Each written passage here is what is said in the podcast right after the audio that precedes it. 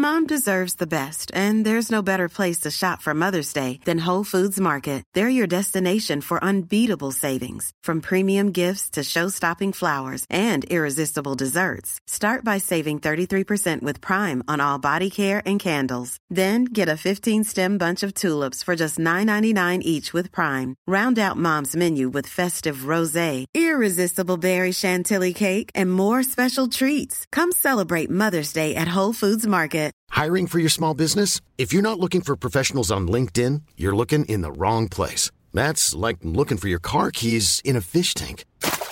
LinkedIn helps you hire professionals you can't find anywhere else, even those who aren't actively searching for a new job but might be open to the perfect role. In a given month, over 70% of LinkedIn users don't even visit other leading job sites. So start looking in the right place. With LinkedIn, you can hire professionals like a professional. Post your free job on linkedin.com slash people today. Hey, I'm Ryan Reynolds. At Mint Mobile, we like to do the opposite of what Big Wireless does. They charge you a lot, we charge you a little. So naturally, when they announced they'd be raising their prices due to inflation, we decided to deflate our prices due to not hating you. That's right. We're cutting the price of Mint Unlimited from $30 a month to just $15 a month. Give it a try at mintmobile.com slash switch. $45 upfront for three months plus taxes and fees. Promo rate for new customers for limited time. Unlimited more than 40 gigabytes per month. Slows. Full terms at mintmobile.com. Vi är denna vecka sponsrade av Indie Beauty. Och Sofie, det här tycker jag är extra fint och extra roligt.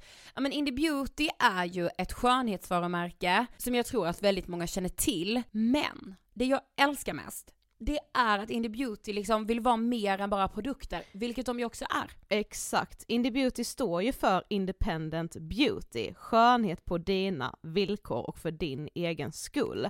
Och Indie Beauty tror ju stenhårt på ett alternativt skönhetsideal fritt från måsten, skam och känslor av otillräcklighet. Där är jag helt med Indie Beauty. Jag med. Det är så jag vill att skönhet ska vara. Ja men verkligen. Och vet du vad som är nytt för i år Sofie? Berätta. Från och med i år så skänker Indie Beauty 1% av sin försäljning till Suicide Zero, Tjejzonen och Djurens Rätt. Så när man handlar produkter från Indie Beauty så kan man liksom känna att man också ger tillbaka till samhället. Ja, kraften i tillsammans. Ska jag säga en sak nu då, som jag, det, men det är detta jag är extra glad över.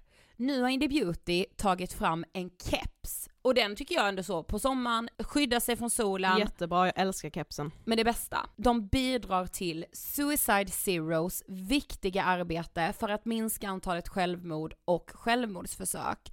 Så för varje såld keps så går hela vinsten, 100 kronor, direkt till Suicide Zero. Då kan man liksom göra nytta både för samhället och sin hud på en och samma gång. Ja, och kepsen kostar 169 men alltså hela vinsten går då som sagt till Suicide Zero. Mm. Så om man vill göra skillnad när man är där ute i solen, nu när den börjar titta fram, då ska man välja den här kepsen. Den säljs exklusivt på indiebeauty.se och på Apotea. Tillsammans kan vi skapa en ljusare framtid. Vi ses med kepsarna på! Tack Indie Beauty. Vi är sponsrade av Mindler och som ni säkert vet sedan tidigare så är vi ju ute på psykologresan tillsammans. Men hur vet man egentligen när det är dags att söka hjälp? Ibland uppstår saker i livet som kommer utmana oss och kännas tufft. Det mesta självläker vi oss igenom, för vi är menade att ta oss igenom en viss mängd påfrestningar. Men ibland behöver man professionell hjälp för att ta sig ur jobbiga perioder i livet. Men vart går då gränsen?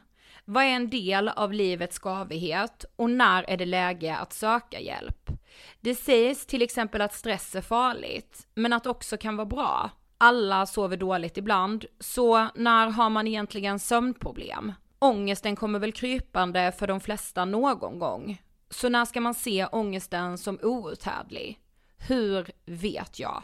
Med oss som psykolog har vi såklart min gamla psykolog Linnea Seidbrant. Men Linnea, vad är egentligen utmattningssyndrom? Utmattningssyndrom är en konsekvens av svår och långvarig stress utan möjlighet till återhämtning. Mm. Vi är ju då skapta för att klara av stress, men vi behöver också återhämtning. Om du utsätts för för mycket stress under en lång period utan att du får till den nödvändiga återhämtningen så kommer kroppen till slut att säga ifrån. Och det är faktiskt så att alla har en gräns. Du kan drabbas av en rad fysiska eller psykiska besvär som trötthet, sömnproblem, hjärtklappning, besvär från magen och tarmarna och mycket annat. Och det här är ju då varningssignaler och tecken på att du kan behöva göra någonting åt din situation. Annars så kan besvären utvecklas till att du mår så dåligt på sikt att du blir psykiskt och fysiskt utmattad. Ladda ner Mindler till din telefon och läs mer på mindler.se.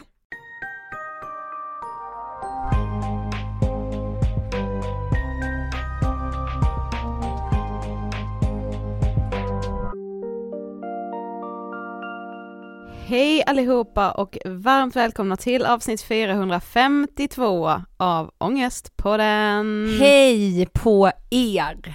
Hoppas ni mår bra.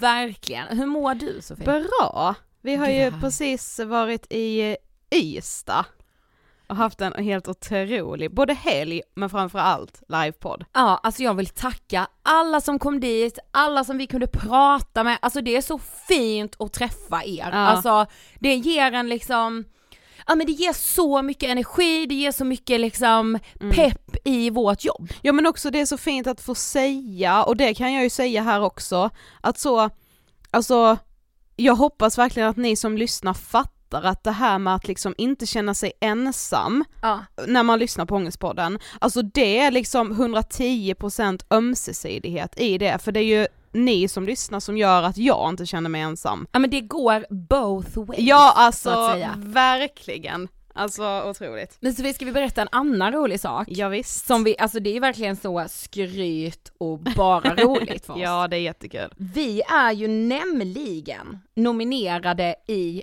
Influence Awards.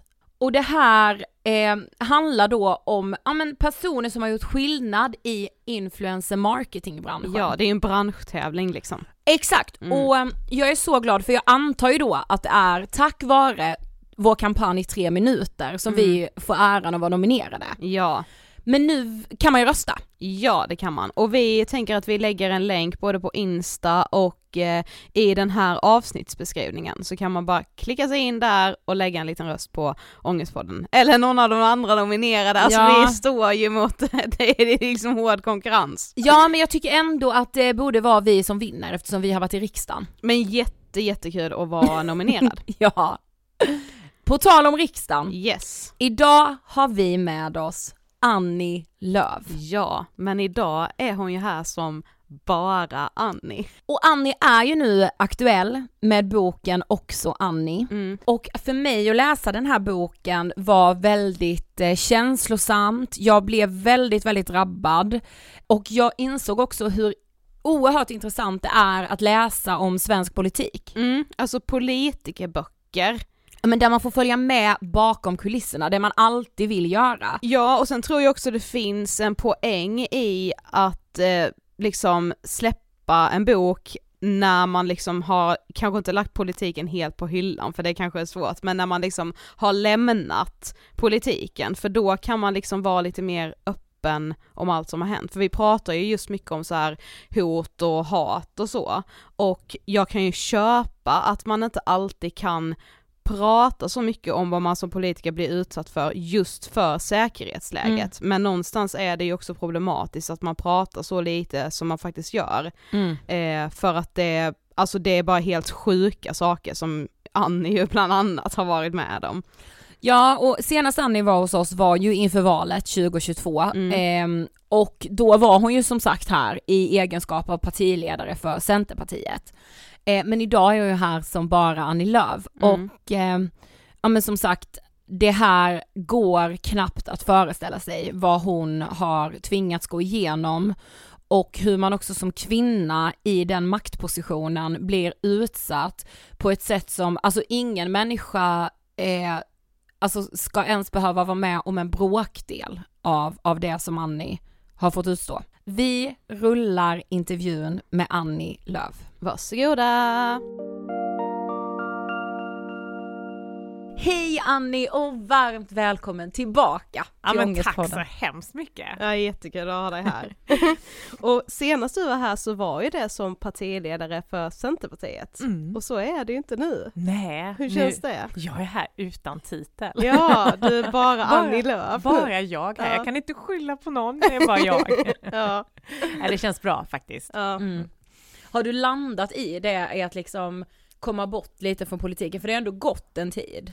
Jo, men det är ju ett halvår sedan jag Ja, slutade. det- ja. Och eh, det har ju, det känns ibland både som en evighet och väldigt nyss. Mm. Eh, särskilt när det händer så här storpolitiska saker. Ja. Då dras, alltså då blir man ju lite sugen på att komma tillbaka. Ja. Det, är ju, det finns ju en politisk ådra där. Och samtidigt så känns det också sådär, nej men jag är färdig. Jag är Mm. liksom mätt. Mm. Nu ska jag, tar jag med mig mina åsikter och värderingar och gör något annat. Och det är också rätt skönt faktiskt. Mm. Att inte nu i sommar när det har varit jätteoroligt och tung säkerhetspolitisk sommar Ja, och inte behöva vara med och kommentera direkt utan kan läsa som alla andra och liksom ja, ligga kvar i soffan och Mm. läsa och ta till mig det men inte behöva kommunicera. Ja, och inte behöva förvänta sig att telefonen kommer börja ringa om 321 liksom. Det är ju den stora skillnaden. Ja. Eh, Mm. jag, man har ju varit i jour hela tiden i stort sett. Ja. Jag tror när Mm. jag var här sist så sa jag ändå att en av mina grejer för att orka är att jag ändå eh, har telefonen på ljudlös nu eh, för att sova. Men det är ju också stressande att ha telefonen bredvid sig hela tiden, Mm. även om den är ljudlös. Och nu bara, jag kan ju liksom gå en halv dag utan att jag tittar på min telefon. Mm. Ja. J- Jätteskönt. Mm. Tänk att vara 40 år och komma på det. Så skönt, liksom, första gången i livet. Bättre sent än aldrig. Men du har fått den här frågan innan, men vi vill ändå ställa den igen. Eh, vad tänker du på när du hör ordet ångest? Jag tänker på det på ett helt annat sätt än vad jag gjorde för några år sedan. För jag har själv upplevt ångest. Jag tror jag berättade om när jag var här sist, men nej, det gjorde jag nog inte, för jag hade inte, berättade nog inte så mycket då. Eh, för att det har ju varit någonting som har varit väl inpaketerat i mig. Ja. Efter valet 2018 hade jag jättemycket press. Det tog ju typ fyra månader att få fram en regering. Mm. Eh, Och jag kände för första gången i livet rejäl ångest. Alltså jag fick andnöd. Mm. Eh, hjärtat rusade. Jag kände att jag var på väg att svimma. Det var så fruktansvärt obehaglig känsla.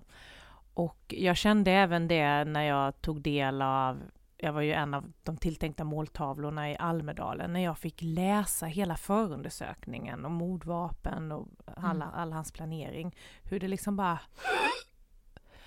Och ehm, nu är det, har jag en mer personlig relation till det. Innan då, ofta när man var politiker eller innan så Ja. har man fått pratat om det. Mm. Nu kan jag liksom prata om det med en egen erfarenhet. Det Mm. blir Ja, mer personligt, det. mer Ja. nära. Ja. Men det är ju allt för många som känner ångest. Mm. Och som ibland kanske inte vet att det är ångest. Exakt. Och som ibland skäms. Eh, och som inte vill prata om det. Mm. Eh, och det jag tycker är en stor skillnad de senaste åren är ju faktiskt att fler och fler berättar om det. Att man normaliserar, inte normaliserar, men man öppnar upp och Mm. det blir naturligt att prata om det. Då tror jag fler får hjälp. Ni har ju spelat en jättestor roll i det såklart. Men där 2018 liksom när det var lite kaos med att få en regering och så, förstod du att det var ångest du kände? Nej, inte först. Nej. För först tänkte jag att det här var nog bara en stressreaktion, en sån anonym Mm. stressreaktion. Mm. Förstår ni? Alltså så här, jag definierade inte det som ångest. Nej. Eh, Så att därför beskrev jag heller inte det som det i intervjuer, utan att jag var väldigt stressad. Mm. Men sen nu när jag har hunnit reflektera över det, det tydlig ångest. Alltså jag hade svårt att sova, jag ville inte träffa människor, jag eh, drog mig för att göra saker som jag tidigare tyckt var ja, men, väldigt meningsfulla och roliga. Och just den här känslan av att det någonting dras åt inom en, att man inte får luft. Mm. Eh, och att man mår så dåligt. Det kändes som världens största huvudvärk, Ja, fast det var i mm. hela kroppen på något sätt. Mm. Eh, eh, det har jag ju insett efteråt att det var det. Mm. Precis. Och samtidigt också då ha den pressen och känna att... Och leverera ska man Ja! göra. Ska man stå där på presskonferens dagen efter och bara eh, skärpa, alltså, det är fel att säga också att man ska skärpa till sig, för det går ju egentligen inte, för mår man dåligt så mår man ju dåligt. Mm. Men där och då behövde jag uppbåda all kraft att liksom få fram saker och Ja, se normal ut. Alltså Mm, se ut som exakt. att jag är kraftfull och vet vad jag gör. Mm. Samtidigt som jag brämnade inombords. Mm. Och man ska vara statsmannamässig och man, alltså sånt Ja, där. precis. Ja. Men det är väldigt kul att ha det här idag som bara Annie och inte partiledare. Eh, och du är ju också just nu aktuell med din bok Också Annie, där man ju Precis. faktiskt får ta del av både liksom din politiska resa men också mycket av det som har hänt i ditt privatliv. Eh, och vi vill ju prata om allt möjligt med dig men vi tänker ändå att vi vill börja lite från början och du är ju uppvuxen i Maramö utanför Värnamo och det känns som att du hade en väldigt idyllisk uppväxt. Ja men jag hade det och Mm. jag, jag, jag varken överdriver eller liksom sockrar på det utan det var väldigt trygg uppväxt. Eh, jag växte upp med mamma och pappa på vår gård och eh, de andra gårdarna i byn tillhörde ju ens eh, släktingar. Mm. Eh, Ja. och jag gick på farmor och farfar dagis och fritids och ja men kossor, grisar och kattungar och hundvalpar och sånt. Eh, så att det var väldigt bra. Mm. Eh, och jag hade många kusiner som jag lekte med och vi körde hö på somrarna. Det låter ju liksom Det känns väldigt Astrid Lindgrens, ja. Men jag kan också relatera till att så, alltså jag tror verkligen att jag kunde relatera till det att växa upp så i ett litet samhälle, alltså som Mm. vi också har gjort. Mm. Så Karlshamn är ju en stad, men båda vi har ju vux, vuxit upp liksom lite Mm. utanför och man är på landet och det är liksom väldigt, man har så nära till lugn på något sätt. Jo men så är det. Baksidan av det är ju att det också kan bli väldigt mycket kontroll. Alltså om man Mm. inte trivs, alla har koll på alla Exakt, och man mm. vet exakt när någon åker och kommer hem och så. Men jag upplevde aldrig det negativa. Det Nej. finns säkert de som gör det när de växer upp i sådana Mm. miljöer. Men jag, jag minns det verkligen med värme och jag är ju hemma jätteofta. Min syster och hennes familj bor ju bredvid mina föräldrar nu på gården. Så att, eh, Ah. hon tyckte uppenbarligen att det var så härligt att hon valde att bosätta sig där också. Ja. Nej men just närheten till naturen. Alltså vi är ju, det är ju ingen linjebuss, ingen mataffär, utan det är ju ett gäng gårdar utslängda på åkrar Mm. mitt i skogen. Gud, vad Eh, så att det är grönt och fint. Ja. Men redan när du går i åttan så bestämmer du dig för att du vill bli jurist. Ja. Så Alltså, varför- sjukt pretentiöst. Ja men varför Ja, blev det liksom så? Alltså för du är ändå så ung då och liksom ja, att så. man ens vet vad Ja, ordet det jurist är. Ja. Men jag visste det då. Jag var, alltså var sjukt målmedveten. Men min pappa var polis. Ja, Så okej. att Mm. under min uppväxt så fick jag hänga lite i poliskorridorerna när man skulle vänta till han skulle sluta jobba. Mm. Man satt i fikarummet och såg uniformerna och polisbilarna och fascinerades av det där som var rätt och fel och brott och straff. Och, ehm, och sen på högstadiet, när jag gick på högstadiet, då kom såna här juristserier som Advokaterna och Ally McBeal och Mm. Och McBeal, Emmy åklagare. Mm. Och jag tittade på allt sånt och blev, det här är ju bara eh, fiction, men jag, jag blev så inspirerad. Ja. Eh, framför allt av Emma Åklagare, hon var liksom en tuff brud. Hon är spelad av Marika Lagercrantz. Hon Ah. här skinnpaj, åker motorcykel, är åklagare, sätter dit buset. Eh, Mm. Ja, men, och rött hår hade hon då. Så att hon blev lite av en eh, eh, fiktiv för, förebild. Eh, och skulle man då komma in på juristlinjen på den tiden det såg så nu är, så var man ju tvungen att ha höga betyg. Ja. Mm. Så det blev en drivkraft att plugga och göra bra ifrån mig. Att, så jag visste verkligen vad jurist var. Jag Ja. skulle bli, jag skulle sitt, vara domare eller vara åklagare. Eh, Mm. För jag ville inte försvara, konstigt nog. Jag ville, liksom, jag ville stå på de utsatta sida. Mm. Eh, och gärna då utsatta barn och kvinnor. Ja. Eh, så det var min eh, ingång. Och är, kanske inte fortfarande idag, för då hade jag ju kunnat börja jobba som det, men Ja. Mm, nu känner jag väl att jag är för Många människor känner att man är för politiskt färgad för att Mm, kunna gå in så. Men Mm. jag har ett jättestarkt brinn för just de frågorna även politiskt fortfarande. Mm. Mm. Och jag har min juristexamen. Ja, det har du ju. Men på tal om politiken, alltså hur, eh, hur kom du i kontakt med politiken? Hur bestämde du dig för att ge dig in i den politiska världen och hur blev det Centerpartiet? Ja, det, alltså, det, är både en enkel story och en svår, men jag tar den enkla storyn. Ja. Det är ju, nej men jag tror på något sätt att man fostras hemma. Eh, Mm. Och eh, det här visste jag ju inte då, men mamma och pappa var ju på de här värderingarna och innan jag var född, alltså på 70-talet, så var de aktiva i Centerpartiets ungdomsförbund. Men sen fick de barn och började jobba och liksom la det vid sidan om. Mm. Men man har, jag har nog alltid uppfostrats till att ta ställning och vi hade mycket snack hemma vid köksbordet. Så jag gnällde ju som de flesta gör hemma att det inte hände någonting i Värnamo, det var ingen Mm. stad för ungdomar och så. Tills min pappa då på gymnasiet sa, men kliv ner på planen och påverka.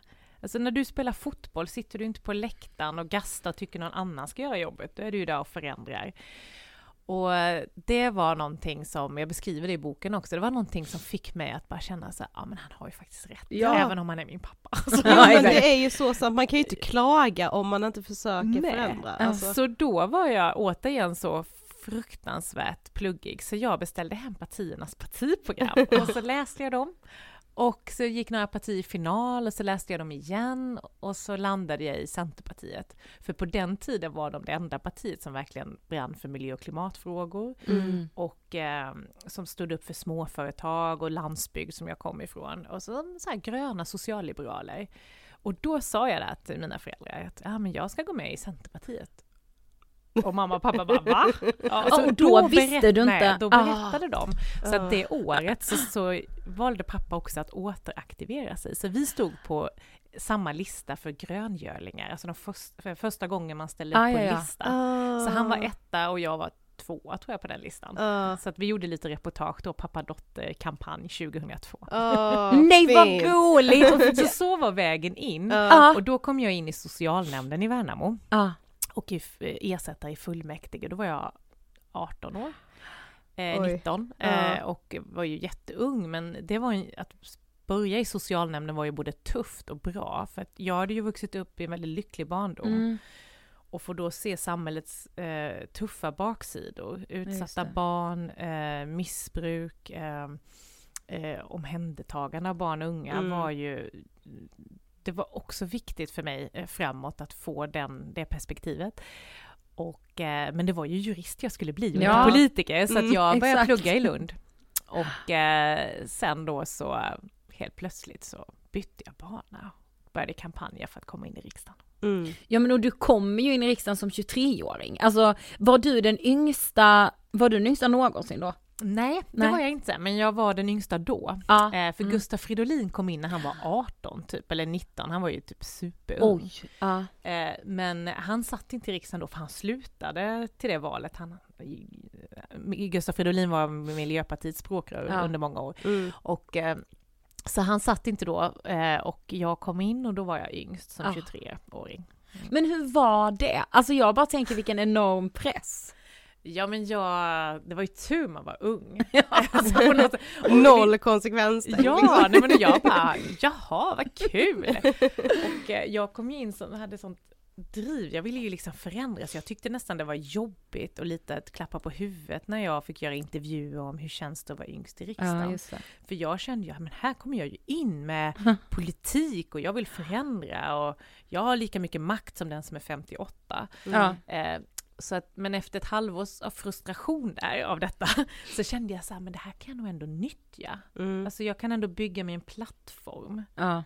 För man är ju uppenbarligen intresserad av mig som person då när jag Exakt. kom in som yngst. Så att jag vände på det sen och liksom började bygga min profil under de åren. Men det var ju en jätteomställning. Jag var ju då student i Lund. Mm. Alltså jag hade då, då låg CSN på 6 900 kronor. Så då, jag gick ju från studentlägenhet till, att liksom, till riksdagslägenhet. Eh, lägenhet. 6 och 9 till ett jättehögt riksdagsarvode. Eh, nya kläder liksom, Mm. köpa så här kostymer och Ja, dräkter. Och, och sen Mm. arbetsuppgifter, då gick jag ju från att plugga juridik till Ja. att vara lagstiftare och skriva lagar. Mm.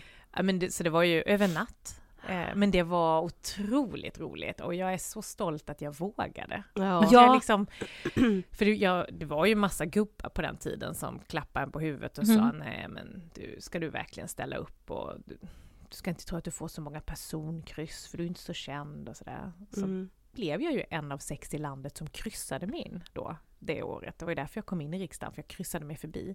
Ah. Eh, så då kände jag lite revanschlusta och Mm. Nej, det var Men- häftigt. Hur många kryss behöver man då? Då, då på den tiden behövde man 8% av partiets eh, totala röster. Ja. Nu behöver man bara 5%. Men jag fick eh, 1300 kryss då eller något sånt där tror jag. Det är sånt. otroligt. Nu får man ju många, många fler har jag ju fått, men då var det ju jättemånga. Ja, Ja. såklart. Ja. Och några år senare så blir ju du också partiledare Mm. efter då Maud Olofsson. Mm. Eh, hur tog du det beslutet? Var det enkelt liksom? Nej, det var inte enkelt. För att jag hade inte som eh, mål att bli partiledare. Jag skulle ju bli jurist. Ja. Alltså, så här, jag hade ju sagt att jag kom in som 23-åring, jag skulle sitta två mandatperioder i riksdagen. Och sen skulle jag ut och jobba Mm. med Ja. juridik. Eh, och jag höll ju på att slutföra mina juridikstudier då när hon i juni bestämde sig för att avgå. Jag bara, ah, jag håller på med ett litet examensarbete här. eh, så att, eh, nej men och sen började jag få fler och fler förfrågningar internt. Jag insåg att det var många som såg mig som möjlig efterträdare. Mm. Och då gick ju jag och min man igenom, eller framförallt min man, igenom en svår sorg. Dels hade hans pappa gått bort i cancer i februari och sen Mm. strax därefter hade hans mamma insjuknat i cancer. Så hon var svårt sjuk under sommaren. Och vi skulle gifta oss och ja, det var jättemycket som hände. Och så de här, den här pressen av att sätta ner foten nu Annie, ska du vara partiledarkandidat eller inte? Alltså hade det, allt det här hänt idag Mm. med liksom mitt konsekvenstänk så hade jag nog sagt nej. Mm. Ja. Alltså inte det här också liksom. Men tack och lov, då hade jag dels en bra man som bara, men du får bara den här chansen en gång, det är klart du ska ta den. Och att jag inte riktigt visste exakt vad jag kom in på. Precis. Eh, Det är så bra att man inte eh, vet Jag slutförde ju min examensuppsats dagen innan jag presenterades som partiledare och eh, var nere i Lund och gick upp med den, fick min jur.kand.examen. Och så blev jag presenterad som partiledare, och så valdes jag några veckor senare. Och sen blev jag ju minister i eh, Fredrik Reinfeldts alliansregering. Just det. Mm. Och- När, näringsminister va? Ja, Ja. Mm. och allting bara hände ju på samma, samma två månader. Jag Ja, bytte är efternamn och gifte mig, jag tog ut en juristexamen, eh, vi var på svår sorg med begravning Ja. och sälja familjegård. Vi, jag blev partiledare och ministerchef över 300 anställda. Och maximal medial granskning och Ja. exponering.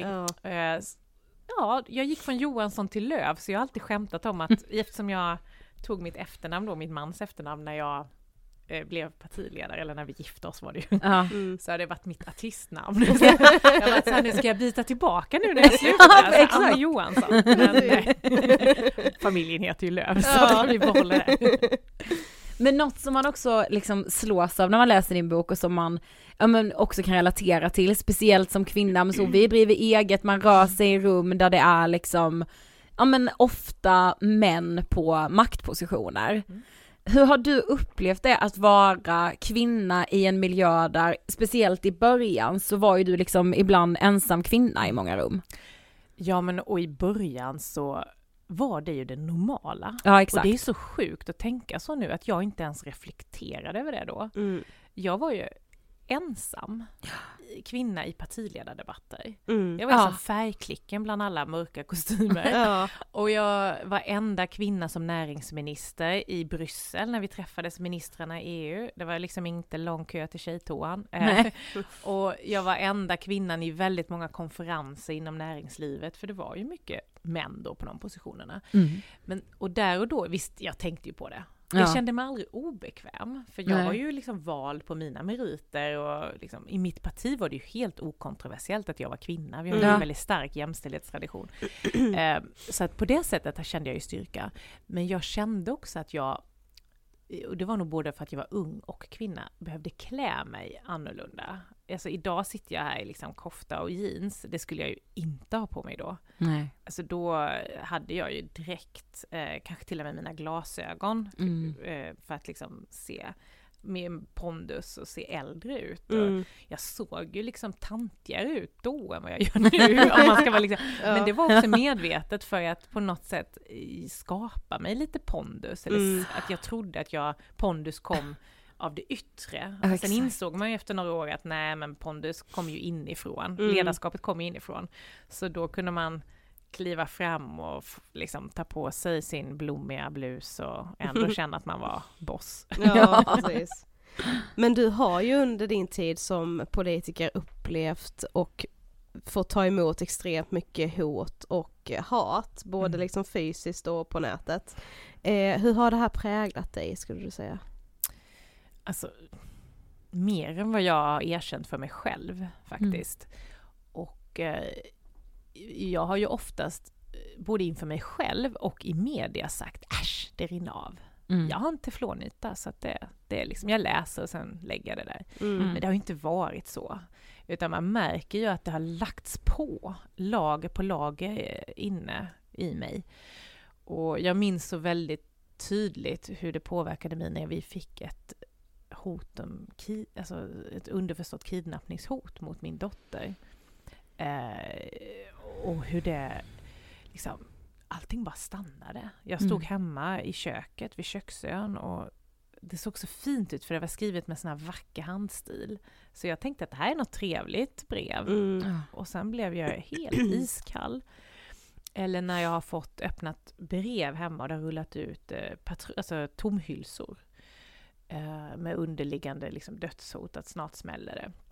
Och nazister som har dukat upp min sista måltid utanför huset. Ja det, alltså när jag läste det var det här är... Eh, de har ju avbrutit mitt tal i Almedalen när jag står och de liksom vecklar ut banderoller. Och jag minns då i Almedalen när de avbröt mitt tal, Mm. för då finns det ju skrivet vad jag sa, för gjorde jag ju intervjuer, så bara, då säger jag så här, äsch, jag blir mest förbannad faktiskt. Mm. Ja.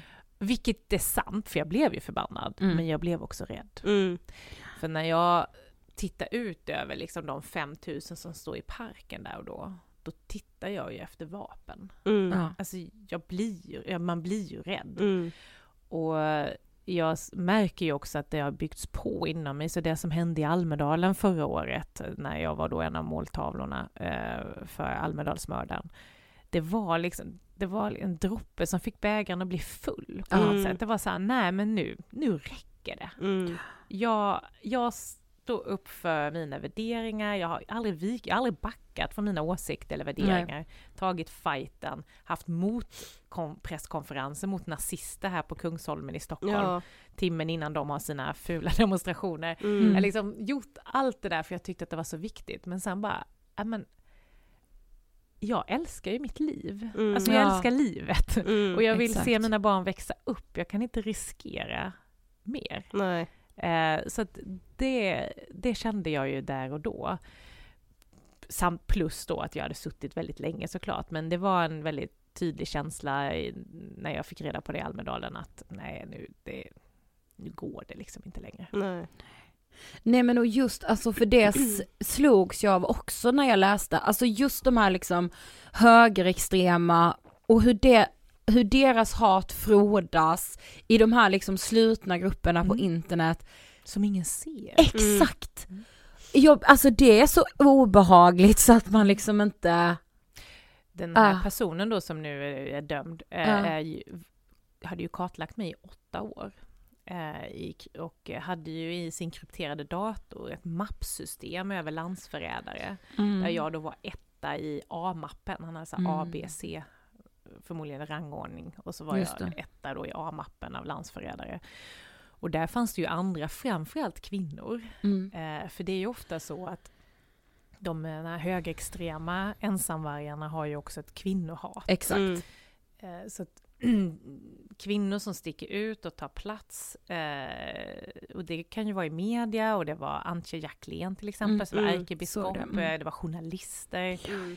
eh, och politiker då som, Mm. eh, som fanns där, men också människor, män som har stått upp för liberala värderingar, som Fredrik Reinfeldt mm. till exempel. Så att, eh, men det, det som förenade oss, eller förenar oss som får utstå detta, det är ju oftast att man står upp för det öppna samhället. Mångfald, jämställdhet, inkludering, eh, oavsett partifärg egentligen, eller politisk åskådning. Man står upp för demokratiska värderingar. Mm. Och det är det de hatar. De vill liksom stötta det demokratiska samhället. Mm. Så. Ja. För du skriver ju också i boken om att så här, just allt det här hotet och hatet som man tyvärr som politiker får typ vänja sig Mm. vid, det pratar man också tyvärr väldigt lite om just för att så säkerhetsbilden inte ska bli ännu sämre och så. Men man blir ju också lite orolig när man liksom läser mellan raderna och du skriver också om det just att, ja men ni som ändå är politiker på riksdagsnivå, ni har ju liksom Säpo runt omkring er och ni, ni jobbar med det här på heltid men många kommunpolitiker politiker har inte det här säkerhetspådraget runt omkring sig. Många håller på med politiken utanför sina heltidsjobb. Det är mycket poliser, lärare Mm. och så. Och så här hur, hur man liksom ska få stopp på det här hotet och hatet så att det inte blir så att ingen vill ge sig in i politiken för att det blir inte värt det. De ute i kommunerna får liksom möta sina hatare i, vid pastahyllan eller när man handlar tacos på Ja. fredagen liksom. Ja. Hur ska man orka vara politiker om det ser ut som det gör idag? Precis så, och det är lite därför jag har skrivit boken Ja. också. För att jag vill få människor att tänka, ska vi ha det så här? Mm. Ja. Å ena sidan så väljer jag ju hellre att ha fokus på varför jag blev hatad, alltså för att jag stod upp för någonting. Exakt. Mm. Eh, Men en del i boken handlar också om att liksom när man läser den här utsattheten och tänka på sin lokala politiker hemma i Vänersborg eller i Ja. Värnamo. Så här, den personen gör detta på sin fritid. Mm, på en tisdagkväll efter att man har lämnat barnen på fotbollsträningen och jobbat en hel dag inom omsorgen. Så, Mm. så går man till fritidsnämnden för att planera hur fotbollsplanerna ska byggas. Ja, och, ja, men så här. Ja. och få utstå så mycket hat.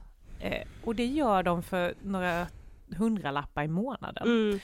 Och eh, vi måste ställa oss frågan, ska vi ha ett samhälle där människor inte vågar eh, engagera sig demokratiskt? Mm. Jag tror ingen vill ha det så. men Nej, då för vad man händer då liksom? Säga ifrån, för Ja. de här Ja. orden, de här hatfulla, för jag pratar inte om hård kritik, för det ska man Nej. inte kunna ta. Mm. Ja. Hårda debatter och tuffa Nu pratar vi om liksom hylsor, tomma Ja, hylsor. man Alltså, pratar om att man säger att jag är en jävla hora. Ja. Exakt. Och att det kommer fram till och med vuxna människor, till och med kvinnor ibland, som kan säga att jag är en jävla hora. Och då tänker jag att där någonstans har man ju tappat respekten för varandra. mm. Och att vi behöver i, på arbetsplatser, eller i klassrum eller vid träningslokaler liksom markera när någon kompis eller någon pappa eller kollega säger någonting som går över gränsen. Bara, men Ja. hur uttrycker du dig? Mm. Hur kan du säga att det här är en jävla hora till en Precis. journalist eller politiker? Mm. Eh, vad får vi för samhälle då? För Ja. det är ju så att orden, det kanske inte, det dödar ju liksom ingen, men det finns ju labila människor som Mm. sen eh, går till handling. Mm. Och det är då det blir riktigt farligt. Mm. Ja men också så här, vi måste någonstans också lära oss att, att ha olika åsikter är liksom inte livsfarligt. Det är ju väldigt intressant Ja, många och gånger. helt nödvändigt i en Ja, demokrati dessutom. precis. Ja, men att man tycker olika. Precis. Ja men exakt. Nej, men, nej och det är också så, alltså man blir liksom så fel på det när det också är att så, ja ja men du är högt uppsatt politiker så du ska bara ta det här. Mm. Alltså då är Du vi ju också... skylla dig själv. Ja precis. Jag fick faktiskt en sån fråga idag, jag gjorde en intervju tidigare Ja. idag av journalisten som fick så här, känner du någon egen skuld i varför du har varit utsatt för hat och hot? Ja det var vår nästa fråga. nej men då så sa jag så här, ja, nej, eh, för det första nej, men för det andra det är klart att jag har ett ansvar för det politiska tonläget. Och Ja. jag har också eldat på och varit liksom hårdför i debatten, gått över gränsen i politiska debatter och så. Så där har ju jag ett, ett lika stort ansvar som alla andra. Vi behöver ju få ett mycket sundare samarbetsklimat i Mm. Sverige och vi partiledare måste ju skärpa till oss. Ja det har ju varit lite pajigt de Eh, senaste åren. Mycket. Ja. Ja men folk stänger ju av, de åker ju inte lyssna och där Nej. är jag ju också medskyldig. Mm. Men det vi pratar om nu är ju inte det, Nej. det är ju det andra. Och Exakt. där, blir all, där kan aldrig någon som är utsatt för någonting vara medskyldig. Nej. Det är ju jättekonstigt. Det ligger ju bara ansvaret på den som skickar dödshot eller på Mm. den som uttrycker sig misogynt. Det är liksom deras problem, Mm. inte den Exakt. som får det till sig. Och, så det tycker jag är en viktig del för att om man nu, man får gärna skam och skuldbelägga mig för jag kan hantera det, men om man gör det generellt med andra människor, skuld och skambelägger personer som blir utsatta, då får vi ett samhälle som vi inte vill ha. Nej då kommer man ju aldrig heller våga säga att man känner sig utsatt. Nej men verkligen. Men jag tänker, alltså utan att avslöja vad någon annan har varit med om eller liknande, men alltså tror du att det också spelar stor roll att du är kvinna? För jag kan inte föreställa mig att män får hot och hat i den utsträckningen. Det spelar absolut roll att jag är kvinna. Alltså både eh, Ebba och Anna Kinberg Batra och Nooshi får ju också sin beskärda del, just Mm. också för att vi eller de är kvinnor. Exakt. Eh, och det är ju också så att den mediala kontexten gärna vill se catfights mellan Ja. kvinnor. Alltså det det ju, finns ju hur många uppslag som helst i kvällstidningarna med blixtar mellan mig och Ebba eller mellan mig och Anna Kinberg Batra eller mellan mig och Nooshi. Mhm. Men det finns typ ingen mellan Ulf eh, Kristersson och Stefan Löfven eller Per Bolund och Jan Björklund till exempel. Mm. Inte någon. Nej. Eh, för att eh, kvinnor ska vara mer känslosamma Ja. och det, ska, det blir liksom klick när vi bråkar. Mm. Vilket vi ju inte gör. När Magdalena Andersson blev eh, vald till partiledare eh, i Socialdemokraterna Mm. så var det ju flera månader av diskussioner. Hur ska Annie Lööf och Magdalena Andersson samarbeta? De är ju som hund och katt. Och jag tänker, det var aldrig någon som pratade om mig och Stefan på det sättet. Nej. Men så fort det blir två kvinnor så ska vi, då degraderas vi på något sätt att bara vara vårt kön. Mm. Ja. Eh, och vi, det fungerade ju jättebra att samarbeta. Vi Ja. tyckte olika, vi stod på olika ideologiska plattformar men vi hade ett jättebra samarbete hon och jag. Mm. Och det blir så tråkigt när man, eh, när, och det är i samhället, det är i media, det är vi medmänniskor som, Mm. eh, så här, jag kan ju höra ibland så här några säger "Det är ett hönshus nu, det är så mycket kvinnor på ledande positioner. Ja. Jag bara, ursäkta, vad säger du? Ja. Hur- Ja. Men, och det spelar också av sig de som hatar Exakt. hotar. Det skiljer. Det är underliggande är det mycket sexism. Ja. Mycket eh, eh, kvinnoförnedrande delar. Det är att jag har legat mig till positioner. Ja. Det är att man Mm. har eh, man tittar på min kropp snarare än vad jag säger. Det, ja, det är, det är där har Sverige inte kommit så långt än. Nej, och tyvärr. det kan man bli liksom så bedrövad och chockad över. Mm. Jag, jag vet till och med någon gång, ja det var inför, alltså inför valet 2022, Mm. i någon liksom, i något eftersnack, att de började prata om vad ni, vad kvinnorna hade haft på sig. Mm. Och då satt jag och tänkte, fast men vänta nu, vad, vad är nu, vad barkar det här åt liksom? Ja men det är ju det egentligen. Ja, Ja, alltså, Mm. Och så det, man skulle ju aldrig säga, ja Johan Persson hade på sig det här och... Han hade eh, en blå kostym Ja. på sig, det var en fin nyans av marinblått. Ja. Vit skjorta. Ja, exakt.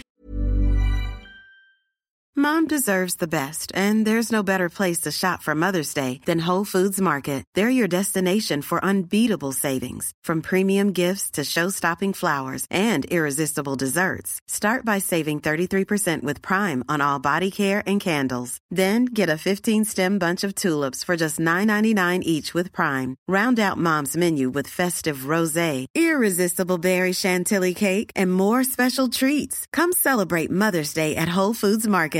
Hey, I'm Ryan Reynolds. At Mint Mobile, we like to do the opposite of what Big Wireless does. They charge you a lot, we charge you a little. So naturally, when they announced they'd be raising their prices due to inflation, we decided to deflate our prices due to not hating you. That's right. We're cutting the price of Mint Unlimited from $30 a month to just $15 a month. Give it a try at mintmobile.com slash switch. $45 upfront for three months plus taxes and fees. Promo rate for new customers for limited time. Unlimited more than 40 gigabytes per month. Slows. Full terms at mintmobile.com. Everyone knows therapy is great for solving problems, but getting therapy has its own problems too, like finding the right therapist, fitting into their schedule, and of course, the cost. Well, BetterHelp can solve those problems. It's totally online and built around your schedule. It's surprisingly affordable too. Connect with a credentialed therapist by phone, video, or online chat, all from the comfort of your home. Visit betterhelp.com to learn more and save 10% on your first month. That's BetterHelp H E L P. Men år 2019 blir ett eh, ganska omtumlande år på många sätt. Det är ganska kaotiskt i svensk politik, samtidigt så är du gravid för andra gången och lite mer än halva graviditeten in så får du extrema magsmärtor. Vill du berätta, vad är det som händer här? Ja, men dels känns ju den här andra graviditeten helt annorlunda än den första. Den första var ju så här, sprang och joggade Mm. hela vägen in i stort sett. Och den här börjar få ont redan från början. Eh, och sen är jag på en konferens med partiet och eh, det här låter, jag, jag kommer till pointen snart, men jag äter knäckebröd och så får jag lite knäckebrödflisa i, i eh, ja men jag sätter den i fel strupe, så jag börjar hosta. Och hostar kanske i tio minuter och det sätter igång någonting. i kroppen så att jag får så fruktansvärt ont. Jag får så ont så att jag svimmar. Eh, och eh, då eh, vaknar jag till och så körs jag till eh, Södersjukhuset och till eh, akuten där. Och då är jag bara i vecka 23. Mm. Men eftersom jag är i vecka 23 så får jag då åka till förlossningen Mm. och kolla. Och då ser allt bra ut säger de, de ser ingenting. Eh, och jag läggs in en natt och så. Eh, och så fortsätter jag ha ont. Jag tycker det är konstigt att jag har så jävla ont. Eh, men det jag sen i efterhand har förstått det var ju att när jag hostade där, då brast ju någonting inom mig. Ja. Eh, och det var ju moderkakan som fastnade mer och mer i min livmoder och så spräcktes den.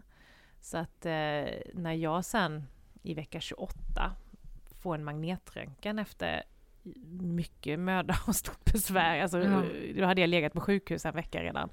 När de ser det, då har jag ju 10 centimeter i diameter i liksom en öppning i livmodern och moderkakan har vuxit in på andra organ.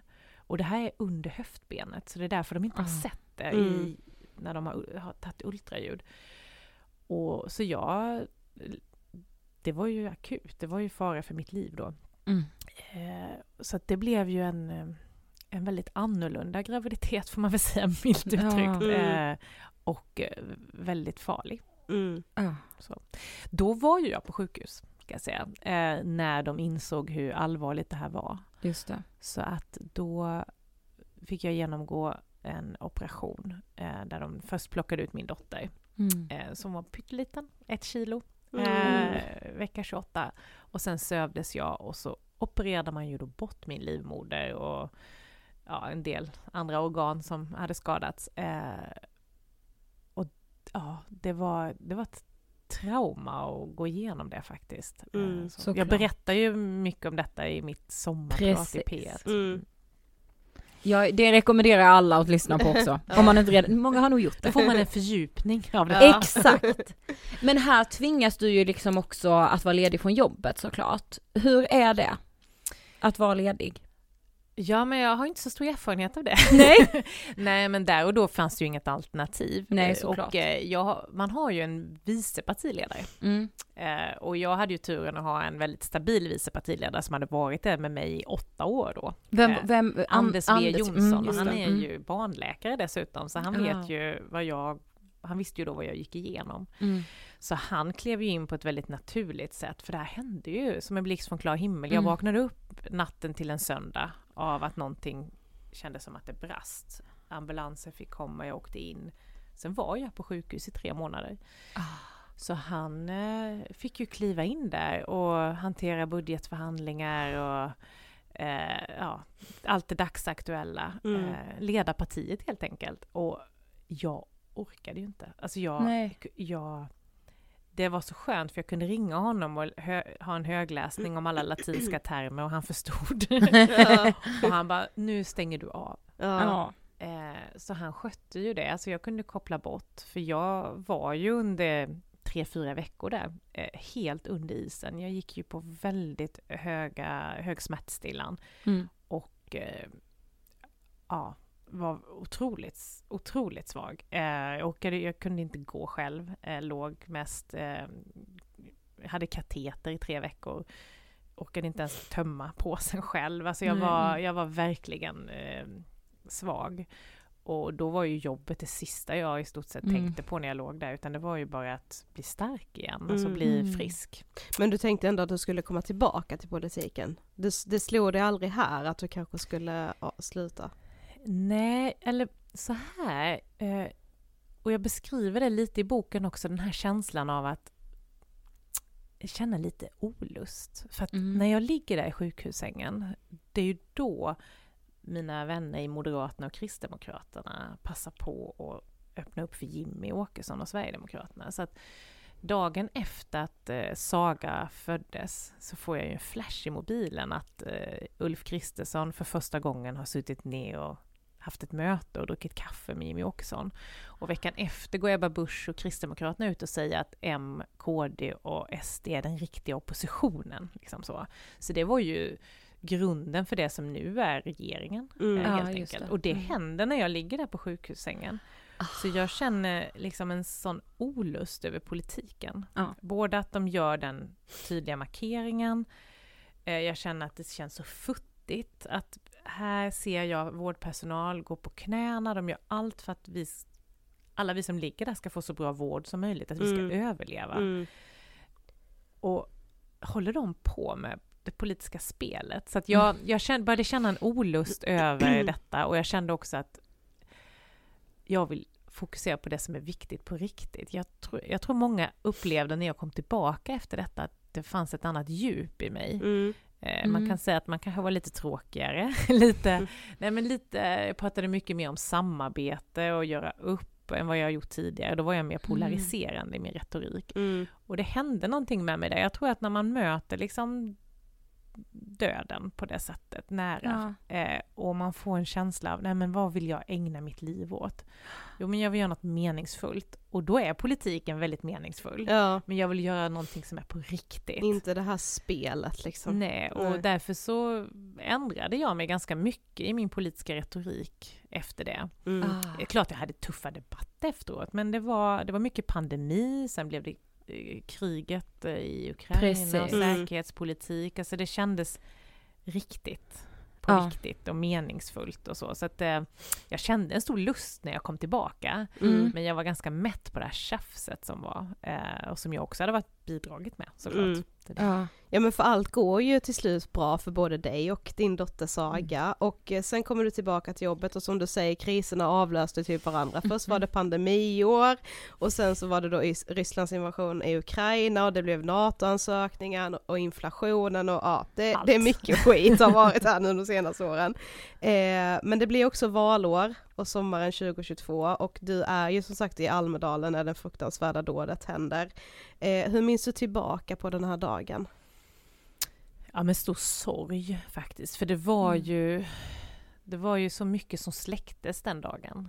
Alltså, dels det uppenbara, Ingmarie Wieselgrens Mm. liv Mm. eh, med det brutala mordet. Men också tron på det här öppna, vibrerande Almedalen som har varit under så många år. Mm. Ehm, det, var, det var sorgligt.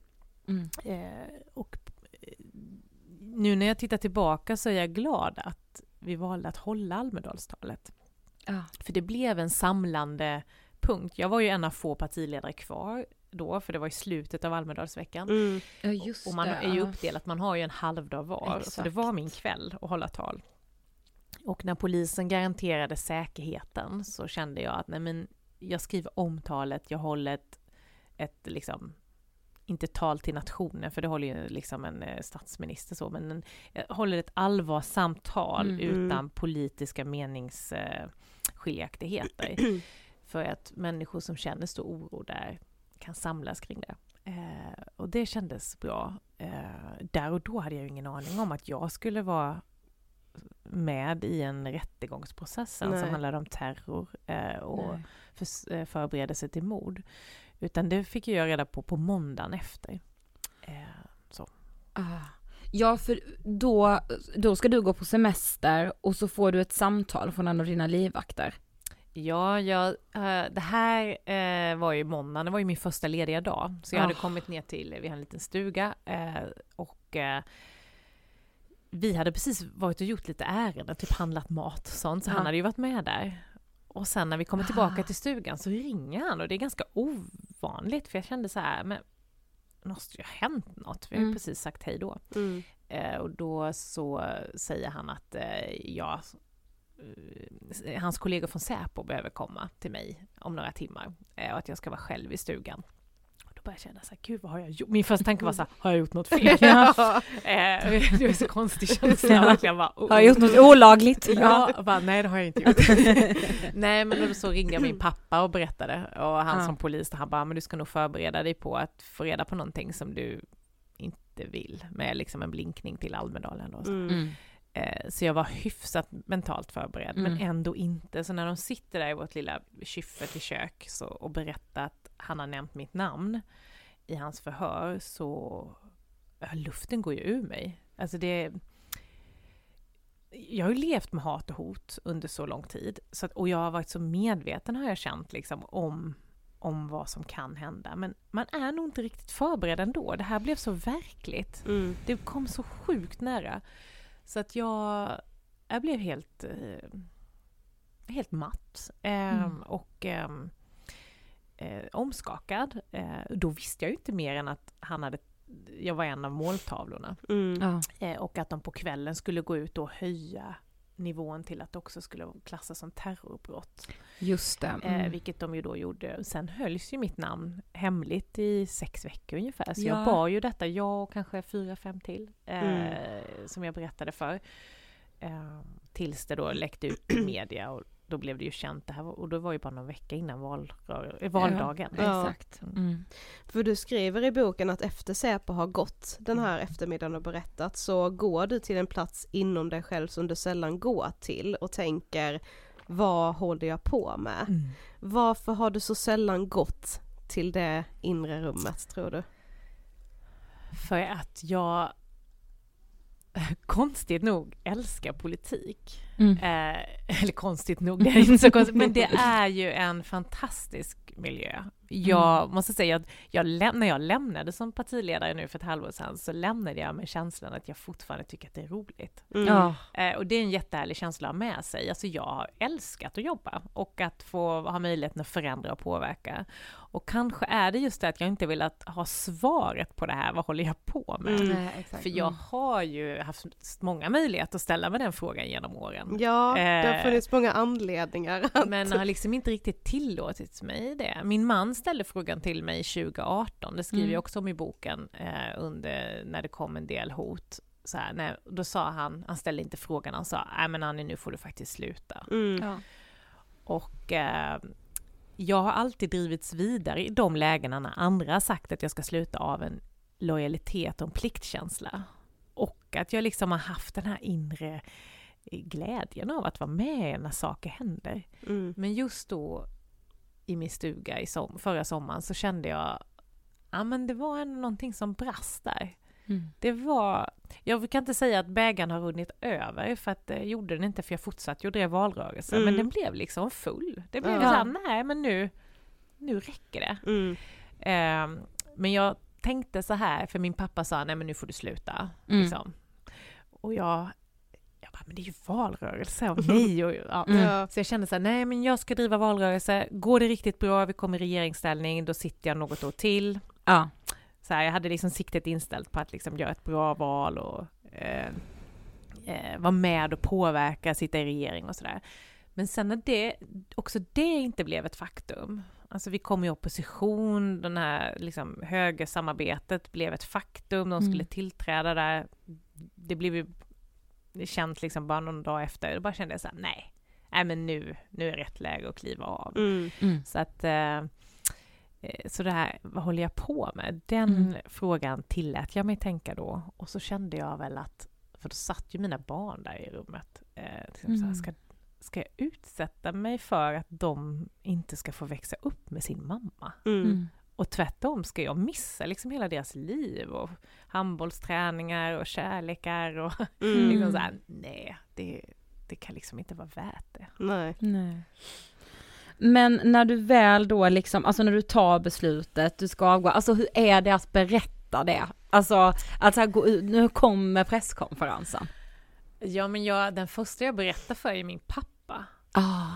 Och jag vaknar upp där på morgonen, på måndagen. Val, valvakan Ja, är ju alltid på ja, söndagen. precis. Och så kommer man hem sent och så min man och barnen har redan gått till jobbet och skolan på morgonen, så jag ligger kvar lite. Och så när jag vaknar så vaknar jag av ja, men besvikelse över valresultatet. Men framförallt en lättnadskänsla att jag överlevde. Mm. Och det är en så sjuk, konstig känsla att känna. Varför ska Mm. man vara glad över att man överlevde Mm. jobbet? Alltså jag, ja. jag har verkligen en lättnadskänsla. Och då ligger jag kvar där i sängen och liksom analyserar varför jag känner så. Varför jag är lättad över att ha klarat mitt jobb. Mm. Alltså ja. överlevt jobbet. Ja, ja. Eh, och så inser jag att det där är en väldigt konstig känsla att känna. Eh, och så efter några timmar så känner jag så, här, så ringer jag pappa. Och så säger jag för första gången, formulerar jag så här, vet du vad, jag ska sluta. Och när jag säger de orden till honom så är det som att mina axlar bara sjunker. Och eh, jag börjar gråta i telefonen. Alltså det är sån en lättnad att jag har sagt det för första gången Mm. någonsin Mm. Ah. till någon högt. Jaha, säger han. liksom. Ja, nej, nu har jag bestämt mig. Jag ska sluta under hösten någon gång. ska jag sluta. Eh, så. Men, och, och sen så eh, kallade jag till mig mina medarbetare eh, som fattade ju nästan då. Det var, mitt syfte var inte att berätta för dem då, utan det var mest att ah, men vi kan väl debriefa lite, vi kan komma in och Aha. samlas. Mm. Ah. Så vi samlas efter lunch. Och när jag sitter där så är det som att jag måste säga det till dem för att inte jag ska ångra mig. Ja. ah. Så helt plötsligt, både oförberett för dem och för mig, så bara, vet ni vad? Jag har bestämt mig för att sluta. Och de bara, va? ja, och eh, nej men det var en skön känsla. Men jag, Mm. då var ju ändå tanken att jag skulle vänta till vi hade en regering på plats. Jag skulle Mm. vänta Ah. några månader. Alltså så. Men sen så, eftersom jag redan hade bestämt mig och det började liksom tisslas och tasslas som ska inte Annie Lööf sluta. Det började vara någon, eh, någon person i, på Öland som tyckte att jag inte borde vara partiledare nästa valrörelse. Där, Mhm. Nej, det hade jag inte heller tänkt. Nej. Men då började det liksom figurera och då kände jag så här, äh, men det är bättre att jag går ut nu när jag har bestämt mig själv. Mm. Så Ja. då gjorde jag ju det sen, eh, dagarna efteråt. Mm. Eh, och eh, det blev, eh, det är skönt att ha fått bestämma själv när man slutar. Ja. Mm. Eh, och att få liksom, definiera sin egen avgång på något sätt. ja, precis. För det, det är inte, vi är inte så många som har fått göra det. Ofta Nej. så får man ju sluta innan. Mm. man Ja, vill. ja, exakt. Vare sig man vill eller inte. Ja, jag kände att jag var färdig då. Ja. Eh, och kunde ändå lämna att jag... Sen fortsatte jag ju fem månader till och jobba. Ja. Jag slutade ju inte förrän i februari. Men, Mm. eh, Nej, just det, det var ju för... Så det var mm. också roligt. Jag fick ju ha några partiledardebatter till Ja. och förhandla. Och... Mm. Ja. Vi vill eh, citera en sak i boken, för när du har bestämt dig för att avgå. Då skriver du så här, Nåja, mitt ego är inte riktigt så upplåst att jag på allvar har trott att världen skulle rasa utan mig som partiledare för Centerpartiet. Men ibland har det nästan krävts att inbilla sig saker åt det hållet för att orka kämpa lite till. Ja, vad är det egentligen som har fått dig att orka lite till? Ja, men det är nog just det. Den här... Ja, men dels att det är... Det finaste man som partiledare och politiker känner, det är när en människa kommer fram till en på gatan och stannar upp och tackar. Mm. Det kan vara att det kan vara en person eh, som kommer från ett annat land som tackar för att jag har stått upp för deras rätt att liksom både existera och bo i det här landet. Det kan vara en, eh, en ensamkommande person som kom för ett antal år sedan som nu har liksom pluggat och universitetet och är färdig civilingenjör och som tackar för att jag var med och möjliggjorde att de kunde få stanna. Eh, Det kan vara en kvinna som driver företag som har gått en sån här utbildning som jag förhandlade fram för att få fler kvinnor att bli företag. Ja men de kvittorna, Mm. då får jag också kraft att orka. Mm. Ah. Men när det har varit riktigt tufft så har man ändå känt den här lojaliteten med sina väljare och sitt parti. Att nej men folk har, tror ju på mig och har- har Mm. gett mig det finaste man har, sin demokratiska röst. Nu jävlar måste jag hålla i Mm. och liksom göra lite till. Och eh, det har nog gjort att man orkar, att det blir liksom en drivkraft i sig. Mm. På något sätt att vara lojal med andra människors förtroende. Mm. Och eh, också den här känslan som ju är helt befängd. alltså för att jag brukar säga så till min man, alltså, eller jag brukar säga så till män generellt, att Ja. ditt jobb, du står ju inte och faller med ditt jobb, du kan vara föräldraledig. Mm. Liksom. Mm, mm. Herregud, det, det finns liksom, ingen är oersättlig. Mm. Och så är det ju faktiskt också med partiledare. Ja, faktiskt. Och det har jag ju visat när jag har varit föräldraledig just. Jag Ja. har ju varit borta och det har Ja, ju funkat ja. ändå. Men Mm. ibland har man fått intala sig att nej men jag måste vara kvar för att liksom ta den här debatten och jag sitter på det institutionella minnet i förhandlingar och sådär. Mm. Men eh, sen kom jag ju till den punkten att nej men nu, det finns ett bra lag, det finns bra medarbetare, liksom. Det här kommer liksom att gå vidare när jag kan göra något annat. Ja. Så. Mm. Men den där knasiga känslan, det får man tänka ibland. Ja men för jag kan typ, jag kan samtidigt relatera till den Eh, alltså ibland när vi har gjort någonting, när vi har såhär, nej men vi måste driva det här, ingen annan kan det, vi måste göra det här nu. Mm. Och vi gör det för barn, alltså såhär, någonstans, även om jag förstår att nej det kommer inte stå och falla med att vi driver den här frågan, så är det typ en drivkraft att få vara i det. Ja. Jo men jag har ju också känt en väldigt stark kraft i sociala medier ibland. För Ja. jag har ju fått också eh, feedback när man inte har gjort något inlägg om någonting som har hänt. Att man, att det har varit så här, men varför har du inte skrivit? Det har ju varit, Ah, mm. eh, liksom, varför har du inte tagit upp det här som Björn Söder har sagt? Ja just det. Mm. Och då har jag känt så här, bara fast ni vet väl vad jag tycker? Mm. Alltså så här, jag, jag tycker ju inget annat bara för jag inte har skrivit ett inlägg på Instagram. Men eh, å andra sidan så har jag ändå känt så här att, ja men vad fint att man har den tilltron att liksom jag ska leda opinionen och liksom ta fighten så att andra kanske inte behöver säga vad de tycker men de kan lajka Eller, eller skicka ett hjärta och känna att de är med i rörelsen. Mm. Ja. Eh, och att, att den eh, rösten, alltså som politiker är ju så mycket, många olika delar. Vi är ju liksom förhandlare och Ja. debattörer, men vi är ju också så här opinionsbildare. Mm. Exakt. Och att få människor med sig, att om man inte själv vill säga sin åsikt så kan man ändå ge en, en gilla, Precis, gilla-knapp eller jag en är med like dig. eller liksom, jag Ja. är med. Ja. Alltså ge boost på det sättet. Mm. Och då den dagen när de vill gå in och liksom bara tycka illa om någonting som har hänt och så har jag inte skrivit Ja, något. Ja. Och de bara, vad ska jag göra nu? Ja. Så att eh, det, det är ju också så. Nu, ja, så ibland får jag göra, jag märker det, nu gör jag inte så många inlägg längre. Nej. Men så gör jag på stories. Mm.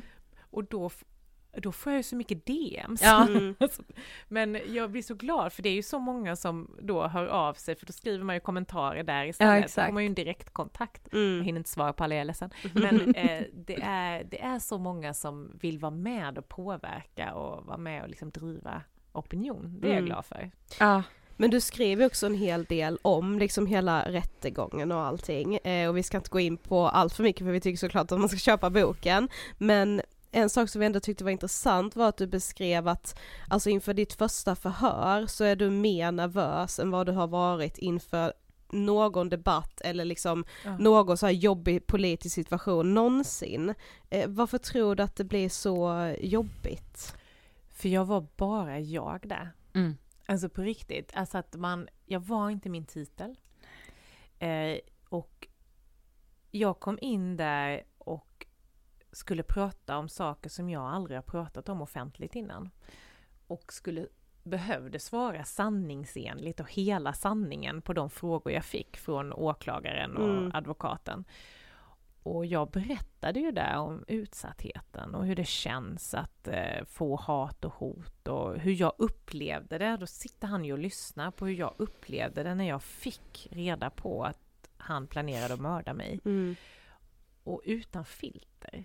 Alltså annars kan man ju i min yrkesroll kan man ju stanna några kilometer innan i Mm. liksom svaret så att det Mm. fortfarande känns bekvämt. Exakt. Och man kan säga nej men jag kommenterar inte mitt säkerhetsläge. Ja. Och, eller, ja, man kan väja på så många sätt, men Mm. där skulle jag bara ge jag skulle ge svar som jag aldrig tidigare hade gjort och dessutom så skulle, satt ju journalister och antecknade direkt eller det, Ja, gick, just. det bandades och så gick det rakt ut i liksom eten. Jag har ju, Mm. det är ju poddar nu som har liksom, med rätt, för det har de ju rätt till och jag godkände det också, men som liksom har tagit mina svar i rättegången och använder dem i sina poddar. Liksom, Mm. de som han, de här true crime-poddarna. Ja, Ja, exakt. Eh, så att där och då var ju jag väldigt naken och berättade. Mm. Så jag var nervös eh, för första gången på väldigt länge Mm. eh, när jag hade mitt målsägande förhör. För att ja, jag bara var privat Annie. Mm. Ja, Jag exakt. hade inte min offentliga roll att gömma mig bakom. Nej, ingen rustning. Ingen liksom. rustning. Nej. Men var rättegången öppen ändå för journalister och så? Jag tänkte Ja. att den skulle, ja den Jo, var, det var det. den. Ja. Eh, och det och, eh, så att den var ju väl bevakad, vilket Ja. också var bra tycker jag. ja, du tyckte, mm. Eh, så att eh, den, eh, den var på Gotland. Eh, ja just det. Och Mm. så var det bevakning. Eh, nej men så att, nej men och det kändes bra tycker jag rättegången. Det är ju en form av eh, terapeutisk övning också. Sitta, ha möjligheten att sitta, jag sitter ju väldigt sällan still. Mm. Eh, utan man är alltid på väg någonstans. Men där, utan tillgång till mobiltelefon satt man Mm. mellan 8 och 16, Mm. fem dagar och eh, lyssnade. Mm. och antecknade lite emellanåt. Och det var ett sätt att bearbeta och lyssna in och förstå. Så att jag trodde inte att det var möjligt, men jag packade liksom ihop lite där och då, Mm. Ah, känslomässigt. Så när jag åkte därifrån så var jag ju såklart helt känslomässigt utpumpad. Det kändes lite som att som man kan känna om man, man har varit på begravning någon gång. Från någon, alltså man har gråtit en hel dag, så är man helt tom, hela kroppen och Mm. slut. Så kändes det när jag åkte därifrån. Eh, men jag lämnade ganska mycket i den rättegångssalen. Ah. Eh, att det var liksom färdigt. Det är Mm. skönt. Och det var också skönt att det hände när jag fortfarande var partiledare. Ja. Mm. Och att det inte kom nu till Mm. exempel. Ja, utan att Mm. det är en del av när jag var partiledare. Så jag kunde liksom också packa in den i Ja, den så tiden. när du väl avgick som partiledare kunde du också lite lämna Ja, då detta. avgick jag från det också. Ja, Ja, ja, precis. precis. Ja. Ja, och sen fick jag möjligheten när jag skrev boken i våras eh, att gå tillbaka lite igen. Mm. Eh, och det var jobbigt. Mm. Och gå tillbaka till mina innersta känslor och formulera det här som står i boken. Mm. Eh, för, men när jag, när jag sen hade gjort det och skickat iväg det till min medförfattare, för jag gjorde det varje fredag, skickade jag liksom ett skede i boken Mm. kan man säga Ah. till henne. Så det var ju så här, typ, här varsågoda får du 40 A4-sidor om, om det här är min, det här är liksom kapitlet så som jag skulle vilja ha det. det är, Tajta! och så, då så läste hon ju det och så liksom tog hon bort en del saker liksom, Ja. för att ni ska kunna läsa detta. Och ställde motfrågor, kan du inte utveckla detta? Eller Mm. liksom skrev igenom en del saker när jag använde liksom för svåra politrukord, eh, så att det Mm. blir mer lättillgängligt. Men det var så skönt de där fredagarna, och framför allt den fredagen om Almedalen och hat och hot, att liksom Mm. skicka iväg. Ah. Så här, det var usch, bort. Ja. Och så tog Ja, man. Det blir så symboliskt liksom. Lite Mm. så. Så kom det tillbaka i liksom lite mer komprimerad och Ja. Eh, ja, läsvärd form. Mm. Men du ställer ju dig själv frågan och, och vi vill också ställa den. Har, har det varit värt det? Ja, det har det verkligen. Och det är... Jag, jag kämpade rätt mycket med slutet på boken. Eh, det som jag absolut inte ska säga hur Nej. det slutar. Jag kan säga att jag grät. Ja, Så- det var- men jag, jag känslosamt. kämpade Ja. liksom rätt mycket med hur jag ville sluta för att det är ju väldigt mycket mörker i boken. Mm. Och jag, jag får ofta frågan så här, hur orkar du? Och då kan jag känna, och då kände jag så här, fasen jag måste ju också, jag måste balansera upp boken. För att det är klart att jag orkat för att det har varit väldigt mycket som också har varit fantastiskt. Ja. Mm. Eh, och det, det har varit ett för högt pris Mm. tycker jag. Eh, och ett alldeles för högt pris, men det har ändå varit värt det. Och det känns lite konstigt att säga båda de sakerna. Mm.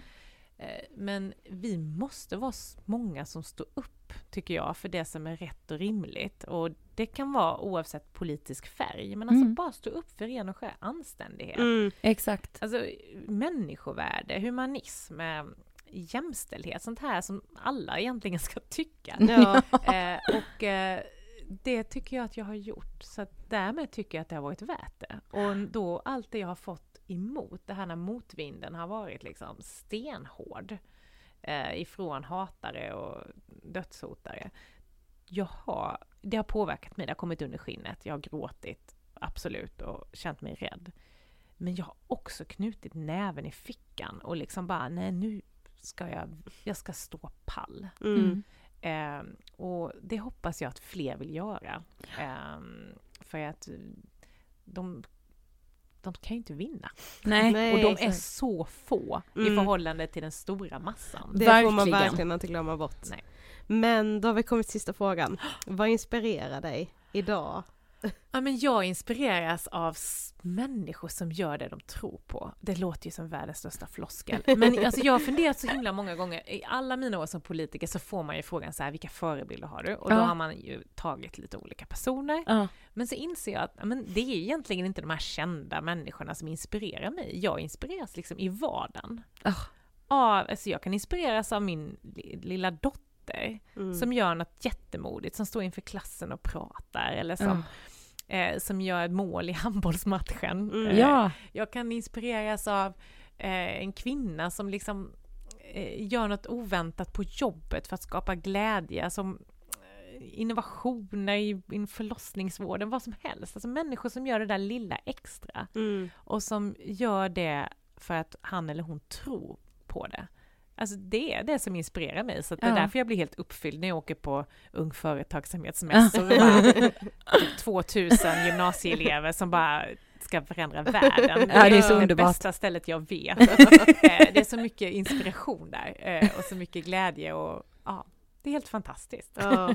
Jag håller med. ja men jag med. Ja. Tack så jättemycket för att du ville komma tillbaka till Ångestpodden. Tack för att jag fick komma. Tack. Alltså jag tycker verkligen att det är så eh, himla eh, tragiskt och läskigt också faktiskt hur, ja men som vi pratar om just det här med som Annie också har skrivit i sin bok att så här, ja det är fruktansvärt att man får vara med om så hemska saker när man är liksom typ partiledare, Mm. men alltså hatet rinner ju även ner i eh, kommunpolitiken. Mm. Och hur ska man orka och vilja och bli liksom sugen på att ens ge sig in i politiken när man riskerar att bli utsatt för de sakerna, när man inte ens får en lön för det. Alltså Nej, så här, de som liksom är politiskt eh, insatta eller liksom håller på med politik på kommunnivå är ju ofta så lärare och poliser som gör det på sin fritid. Alltså hur ska man orka? Nej, alltså ja men ett sånt, alltså vi kan inte ha det så i, om vi ska liksom fortsätta ha en fungerande demokrati. Men alltså jag tänker bara, alltså alla de breven som Annie har fått ta emot här, alltså i sitt Mm. hem, Mm. alltså förstå, alltså, alltså jag blir ju liksom livrädd över att det finns ett sånt hat Mm. som man också är så benägen om att då uttrycka. Mm. Sen är det också både någonstans lite underhållande men också så, det känns ju när man eh, läser också om hur, jag vill inte säga teater men det är så svårt att skilja på vad, vad är liksom ett politiskt spel i de här debatterna när de står och typ avskyr varandra, när ni sen efteråt liksom är typ goda vänner Mm. och vad är det som är äkta egentligen? Ett stöttande sms eller att man uttalar sig ganska hårt om en annan eh, liksom politiker i media. Vad är den sanna Ja. personen liksom? Man får ju bara hoppas att, alltså för man kan ju gilla att debatterna är hårda, det ska de ju vara, de ska vara konstruktiva, de ska vara eh, stenhårda Ja många men gånger. inte så som de har varit de senaste Nej exakt, men sen så har det liksom på något sätt tippat över. Ja, det var det jag tänkte säga. Men, men eh, jag tänker väl ambitionen i en demokrati är väl att man får tycka väldigt olika men Ja. man ändå kan vara liksom goda vänner. Det är ju det, det är liksom inte farligt att ha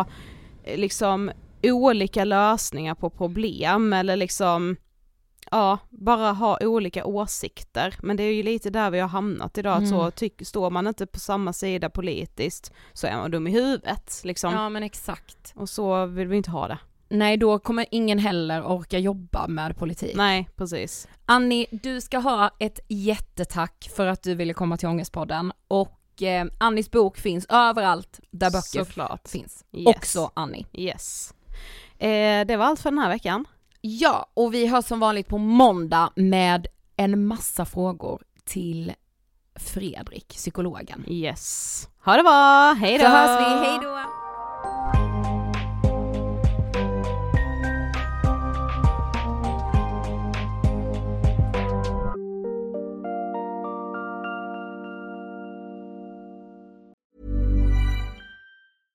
Mom deserves the best, and there's no better place to shop for Mother's Day than Whole Foods Market. They're your destination for unbeatable savings, from premium gifts to show-stopping flowers and irresistible desserts. Start by saving 33% with Prime on all body care and candles. Then get a 15-stem bunch of tulips for just $9.99 each with Prime. Round out Mom's menu with festive rosé, irresistible berry chantilly cake, and more special treats. Come celebrate Mother's Day at Whole Foods Market. Planning for your next trip?